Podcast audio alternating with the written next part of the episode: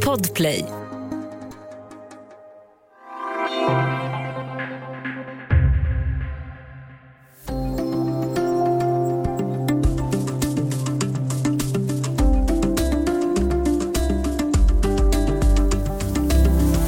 Han förfalskade data, hade egna ekonomiska intressen och utsatte barn för plågsamma undersökningar.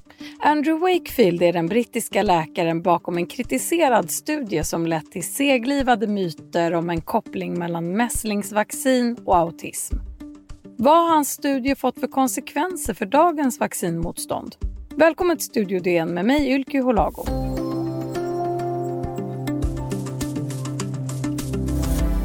Och idag har jag med mig Maria Gunther, vetenskapsredaktör på Dagens Nyheter. Hej! Hej! Vi ska prata om bakgrunden till den skepsis som finns hos vissa mot mässlingsvaccin. Men till att börja med, hur ser vaccinationsbenägenheten ut i Sverige och några exempel från resten av världen? I Sverige så ligger den ju generellt högt. Alltså här är ju mer än 90 procent av, av alla barn vaccinerade mot, mot mässling. Men sen så på andra håll i världen ser det ju värre ut. Alltså allra sämst ser det ut på Nya Guinea. Där är det bara 37 procent enligt de senaste siffrorna. Och på må många andra länder i Afrika, det är Somalia, där ligger det på 46 procent och så. Och Storbritannien, nu ligger de över 90 procent, men där var man nere på ja, 81 procent när det var som lägst för ett decennium sedan ungefär. Och det är så här, mässling är ju en sån här väldigt smittsam sjukdom, så att 95 procent bör vara vaccinerade om, om man ska kunna förhindra spridning av den här sjukdomen. Ja, och numera så erbjuds ju alla barn i Sverige ett så kallat MPR-vaccin. Det står ju för mässling, påssjuka och röda hund. Jag tror att jag själv har lyckats genomleva alla de här tre sjukdomarna som barn innan vaccinet fanns. Varför är det viktigt att vaccinera trots att många av oss har haft det? Ja, jag kan också säga att jag faktiskt också har haft alla de här sjukdomarna, för jag är också för gammal för att bli vaccinerad. Men alla de här, alltså både mässling, påssjuka och röda hund, har, kan ha riktigt allvarliga konsekvenser. Alltså mässling kan vara dödligt, alltså en av tusen som får mässling dör. Och man kan också få en sån här hjärninflammation som leder till bestående men av mässling. Eh, påssjuka, den leder till hos vuxna män som får påssjuka kan bli sterila. Och röda hund, som är en ganska, egentligen en ganska lindrig sjukdom, den är jättefarlig att få om man är gravid. För då är det otroligt stor risk att barnet föds med mycket allvarliga fosterskador. Om vi återgår till det här med mässlingsvaccinet som har blivit eh, som en slags symbol för det vaccinmotstånd som fanns innan coronavaccinet kom in i bilden. Så 1998 publicerades en studie av den brittiska läkaren Andrew Wakefield som låg bakom att vaccinationstalen gick ner i Storbritannien och i världen. Vad, vad var det han hävdade? Ja, han hävdade att just det här kombinationsvaccinet, NPR-vaccinet, att det ledde till autism hos barn. Andrew Wakefield var en brittisk läkare som eh, forskade och han, han var egentligen intresserad av en tarmsjukdom som heter Crohns sjukdom och han ville visa att den hade att göra med mässling men sen så övergick han till att visa att det skulle vara ett samband mellan vaccinet istället eftersom nästan ingen hade mässling längre. Till en början så var det ett stort intresse för Andrew Wakefields studie men senare så utsågs han faktiskt till en bluff. Så här säger den brittiska journalisten Brian Deere till exempel. He is an absolute fraud. The claims he made in the February uh, 1998 paper that he'd actually altered diagnoses, he'd altered histories of the children, he'd misrepresented uh, data and essentially rigged his research. Ja, som vi hör här så säger Brian Deere alltså att Wakefield är en total bluff. Han har eh, riggat sin data och en massa andra saker som vi ska gå in på lite närmare här. Eh, år 2004 så kunde journalisten Brian Deere avslöja att det fanns stora brister och felaktigheter i Wakefields studie. Vad var det hans tidiga avslöjanden visade? Ja, det första han kunde visa då det var att eh, Andrew Wakefield hade fått betalt av en advokat. Eh, för, den, en advokat som var ute efter att stämma vaccintillverkare och de hade ingått ett avtal då att, så att Wakefield skulle visa att det fanns ett samband mellan vaccin och autism eller någon typ av medicinskala så att den här advokaten kunde driva en, en process mot vaccintillverkarna. Det var det första han visade. Och sen också visade han att de här barnen som var med i studien, det var liksom inte bara några slumpmässiga barn som hade kommit till hans klinik, utan det var, det var barn till föräldrar som var ute efter att eh, stämma vaccintillverkare. De kom från hela England eller Storbritannien och en kom till och med från USA just för att de var ute efter att få pengar från vaccintillverkarna. Och när journalisten Brian Deer började titta på det här så handlade det till en början om ett journalistiskt rutinuppdrag. Han skulle undersöka varför viljan att vaccinera barn plötsligt låg på rekordlåga nivåer i Storbritannien. Men det har kommit sig så att han jobbar med den här frågan än idag.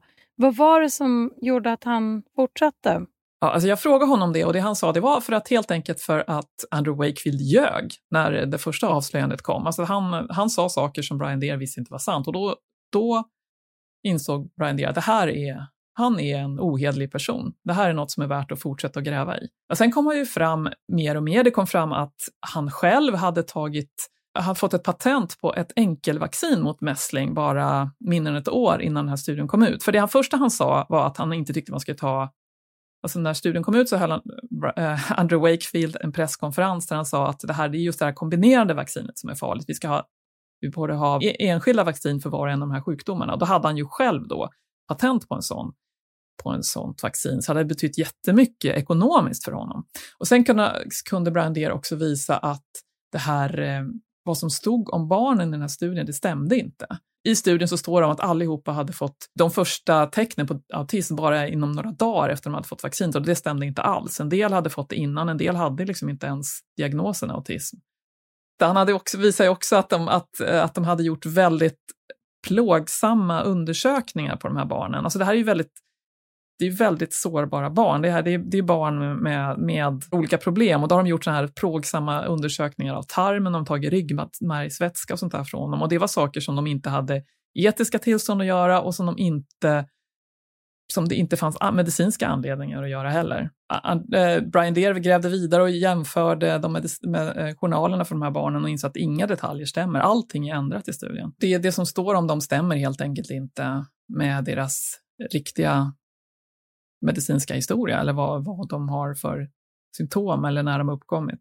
Han säger att det finns tecken på att, att det finns mässlingsvirus i deras tarm, men eh, det, det gjorde hans eget labb gjorde sådana undersökningar. De använde PCR-test som vi nu använder för att hitta eh, covid-virus eller coronaviruset. Och de kunde inte hitta de här mässlingarna. Så att det, redan när studien publicerades så visste de på labbet att det här, på hans laboratorium, att det här stämmer inte, det här håller inte. Och I en eh, artikel du har skrivit om just det här i Dagens Nyheter nyligen så nämner du också ett exempel där han har delat ut pengar på ett barnkalas för att få ta prover på en del av barnen som är på plats för att fira en kompis. Eh, vad säger det här om eh, vilken typ av forskare och läkare Andrew Wakefield har visat sig vara? Ja, det är en läkare som inte på något sätt respekterar liksom, läkarmoral. Liksom. Det är inte så att man, att man, eh, när man ordnar kalas för sin son och så ger man så kallar man in barnen i ett rum och så ger man dem fem dollar och tar ett, eller nej, jag fem pund och tar blodprov på dem. Det är liksom, så beter sig ju inte en, en, eh, en läkare som tar sitt jobb på, som förstår vad ens jobb innebär. Så det, han är ju en obehaglig och ohederlig person, men väldigt karismatisk. Så han, får väldigt lätt, han har lätt för sig att folk lyssnar på honom. Det för kanske osökt tankarna hos vissa av oss till eh, Paolo Macchiarini som bedrev forskning kring sina konstgjorda strupar här i, i Sverige. Hur går det snacket i vetenskapsvärlden? Alltså, det fin- jag tycker det finns så många paralleller mellan Wakefield och Macchiarini. Alltså, båda är såna här väldigt karismatiska personer som folk, folk lyssnar på och som, som folk ser upp till och som har fått in eh, eh, studier i väldigt ansedda medicinska tidskrifter. Och i båda fallen är det ju faktiskt journalister som har avslöjat dem till slut. Alltså det, det är ju, alltså Brian Deere är ju en vanlig journalist som bara började granska det här och samma sak var det ju med, med Macchiarini, att det var den här dokumentären i SVT som, som gjorde att han blev avslöjad. Så det, det, är, det här visar liksom på, också på en brist att det, sånt här totalt fusk är väldigt svårt för forskarvärlden att fånga upp. Alltså, man har det här som kallas peer review när man, när man granskar varandras studier. Det, det bygger ändå på att folk är i grunden hedliga. Om folk bara ljuger eller presenterar helt eh, påhittade data så är det väldigt svårt att fånga upp det. Ja, för Wakefields studie fick ju väldigt stor uppmärksamhet när den publicerades och det mycket på grund av att den Eh, kommit med då i den väldigt ansedda medicinska tidskriften The Lancet. Hur kunde Lancet missa de här oegentligheterna? Ja, det är just det att just eh, när oberoende forskare ska granska eh, en sån här studie så kan de ju liksom bara, de, om de inte har gjort liknande studier själv så är det väldigt svårt att se att det här är bara påhittade data. De måste ju, på något sätt måste man ju ändå, litar de ju ändå på att forskare är i grunden hederliga. Sen kan, alltså peer review kan ju fånga upp liksom om de har missat någon statistisk analys eller om de har gjort några riktiga felaktigheter som, som, eh, som bara beror på, att, på slarv eller på att de inte hade tillräckligt många med. Men när, när folk hittar på data som de skickar in, det är ju mycket, mycket svårare att avslöja. Och trots att det här har avslöjats så har ju den här idén om just mässlingsvaccin och att det kan leda till eh, autism fått fäste i många grupper. Eh, vilka konsekvenser kan man eh, säga att spridningen av de här felaktigheterna i studien har fått? Alltså, de har fått enorma konsekvenser. Alltså, eh, WHO, Världshälsoorganisationen, de utsåg tveksamhet till vaccin till en av de tio största hoten mot folkhälsan 2019. Och 2019 så var det också många utbrott av mässling på olika ställen i världen. Det var i Göteborg, det var i eh, New York och det var ett på Samoa där fler än 80 barn, eller 80 dödsfall, de flesta var barn, där hade sjukdomen egentligen varit utrotad innan. Och allt det här beror ju på den här tveksamheten, den här att folk blev rädda för vaccinet då på grund av att Wakefield hade kommit ut med den här studien och, och, och eftersom han har gett tyngd åt de här misstankarna. Vi ska ta en kort paus och sen prata vidare om den kritiserade studie som orsakat rädsla för att vaccinera barn mot mässling.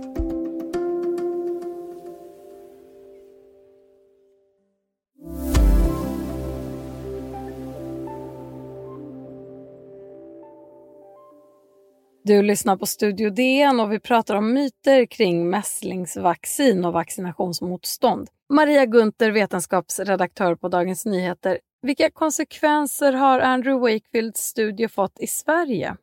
Den fick inte så jättestora konsekvenser här. Man kan se alldeles efter att studien publicerats att vaccinationsgraden gick ner lite grann.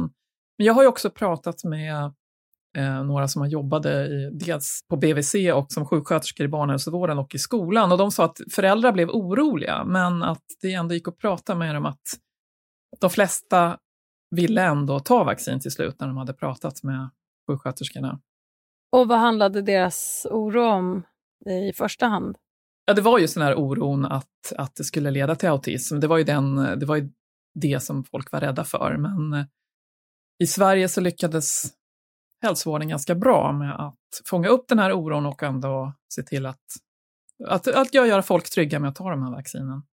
Och hur ser kopplingen mellan den här vaccinationsskepsisen som kom efter Wakefields studie ut? Hur lirar den med dagens vaccinationsskepsis mot covidvaccinet? covid-vaccinet? Alltså Andrew Wakefield är ju en central figur i eh, antivaccinationsrörelsen fortfarande. Alltså det kom en studie här tidigare i sommar om att Alltså det, då säger man att det är 12 personer som står för 70 procent av all propaganda mot vaccin på Facebook. Och Andrew Wakefield är en av de här 12 personerna. Så han är ju en gigant inom framförallt det amerikanska motståndet mot vaccin. Journalisten Brian Deer som vi pratade om här eh, tidigare, han avslöjade alltså felaktigheterna och den dolda agendan bakom Wakefields studie. Hur påverkade det Wakefields fortsatta arbete när de här avslöjandena kom? Ja, så när de avslöjandena kom, då hade Wakefield redan blivit av med sitt jobb i Storbritannien och flyttat till USA. Men det som hände sen var att eh, eh hans medförfattare drog tillbaka sitt stöd för den här studien och det blev också en, eh, en eh, undersökning av brittiska General Medical Council som gjorde en ganska omfattande undersökning och som kom fram till, slutade med att Andrew Wakefield blev av med sin läkarlegitimation och de förbjöd honom att fortsätta som läkare för att han var oärlig, för att han hade, var, hade bedragit folk och för att han var gravt likgiltig för barns lidande, skriver de också i sin motivering. Och, eh, och 2010 så drog Lancet också tillbaka den här studien då, efter många om och men. Det, var, det satt väldigt långt inne, för det gör inte gärna medicinska eh, eh, tidningar, men, eller tidskrifter. Så nu när man letar efter den så står det på varenda sida så står det liksom i röd text att den här är tillbakadragen. Så att alla ska veta att det här är inte en studie som vi kan lita på. Och Andrew Wakefield, som vi har nämnt här, flyttade till USA, det var 2002 och där fick han ett varmt mottagande av antivaccinationsrörelsen där han då, som du sa, har blivit en, en väldigt känd posterboy som driver rörelsen framåt. Vad, vad gör han då? Berätta lite mer om vad han ägnar sig åt och hur hans verksamhet ser ut. Ja, han har ju inte forskat någonting sedan han lämnade Storbritannien, utan nu har han, han ägnar sig åt att liksom hålla föredrag. Han eh, var med på eh, kom, konvent för vaccinmotstånden. Han eh, regisserade en film som heter Vaxt som kom 2016. Och han har en jättestor följeskara bland kändisar, inte minst Robert De Niro tycker att han är bra. Och eh, ja, för, för, några år sedan här så lämnade han sin fru, så han är numera ihop med supermodellen Elle Macpherson från Australien. Så att han, han lever ju han tjänar mycket pengar och lever ett bra liv. Och antivaccinationsrörelsen i USA har ju tagit stor plats i den amerikanska samhällsdebatten här under pandemin. Hur ser bandet mellan Wakefields studie och dagens vaccinationsmotstånd ut? På vilket sätt korsrefererar det till varandra? Jag skulle säga att i antivaccinrörelsen som jag uppfattar det så är, var ju han den första store hjälten som kunde visa att det här med vaccin är farligt. Så därför är han så en så, en, så central person, även för de som är skeptiska till, eller som är rädda för coronavaccinen. Så att det finns en, ja, det finns en ganska stark koppling där. Och hur påverkar den amerikanska debatten vaccinationsskepsisen i Sverige, tror du? Alltså bland de vaccinskeptiker som hör av sig till mig eller som jag haft kontakt med, de refererar ju hela tiden till vad, vad som sägs i den amerikanska rörelsen. Så svaret är i korthet stor? Stor, ja. Skulle, som, jag, som, jag, som jag ser det så har den väldigt stor påverkan, ja. ja. Det är min erfarenhet. Och Brian Deere, alltså journalisten som avslöjade de här felaktigheterna, han menar att Andrew Wakefields studie orsakat både spridning av sjukdomarna som det här trippelvaccinet skulle motverka, rädsla bland föräldrar och också att han utnyttjar och skuldbelägger föräldrar till barn med autism. Vi ska höra honom från den intervjun som du gjorde med honom, Maria. The, the, the spread of disease, um, the spread of fear among parents of uh, vaccinating their children, and also his um, his exploitation of parents of children with developmental issues such as autism, who he traumatizes with the idea that it's their own responsibility, that it's the parents' own fault. Ja, Maria, det här med vaccin är ju som vi har nämnt en högaktuell och väldigt laddad fråga. Och du som har vetenskap som ditt arbetsfält, vilken typ av samtal hamnar du i privat och när du rör dig bland vänner och bekanta i samhället, vad får du för slags frågor? Jag kanske blir extra mycket kontaktad av, av personer som är rädda för vaccin, men det finns ju en rädsla för vaccin bland människor. Och man får ju visa då att de här vaccinen vi får nu, de är väldigt testade. Man utreder dem och man följer upp alla tänkbara biverkningar som finns. Det finns många som är väldigt, väldigt rädda, som jag, som och väldigt arga också för att vi ska vaccineras. Och vad brukar du säga till dem? Hur, hur går era samtal? Ja, alltså när man pratar privat, alltså det viktigaste är ju egentligen att lyssna tror jag. Alltså för att det, det är, man kan inte övertyga en, någon som är rädd för att ge vaccin till sina barn genom att bara komma och bombardera dem med fakta, utan man får väl lyssna och ta liksom, deras oro på allvar, men ändå liksom, tala om vad man själv har kommit fram till och att jag vaccinerar mina barn, liksom, att jag inte är rädd att göra det. Det, ju, det tror jag är den mest framkomliga vägen.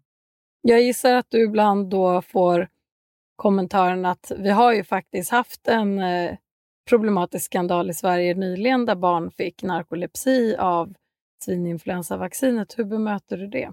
Ja, men egentligen så tycker jag att det är faktiskt ett ganska bra exempel på att uh, Wakefield har fel när han säger att han är tystad. För att just det här att med narkolepsin, det har vi ju utrett väldigt, väldigt noga. Liksom man, har, man har tagit reda på vad som har hänt, det är ingenting som har mörkats.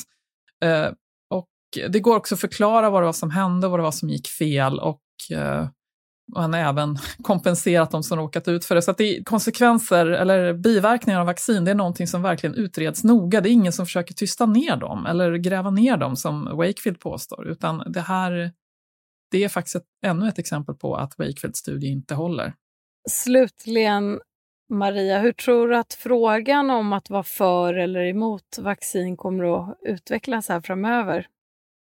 Alltså jag tror att den kommer bli mycket polariserad här. Den har ju, det har vi redan sett nu när, just när vi är så beroende av ett vaccin för att ta oss, eh, ta oss ur pandemin. Att det blir ju mer och mer, allt mer högljudd och allt mer polariserad debatt. Vilket är lite otäckt. Tack så mycket Maria Gunther, vetenskapsredaktör på Dagens Nyheter. Om du vill kontakta oss på Studio DN går det bra att mejla på studiodn dn.se. Studio DN görs för Podplay av producent Sabina Marmelakai. Ljudtekniker Patrik Miesenberger, tekniker Oliver Bergman Bauer Media och jag heter Ylke Holago.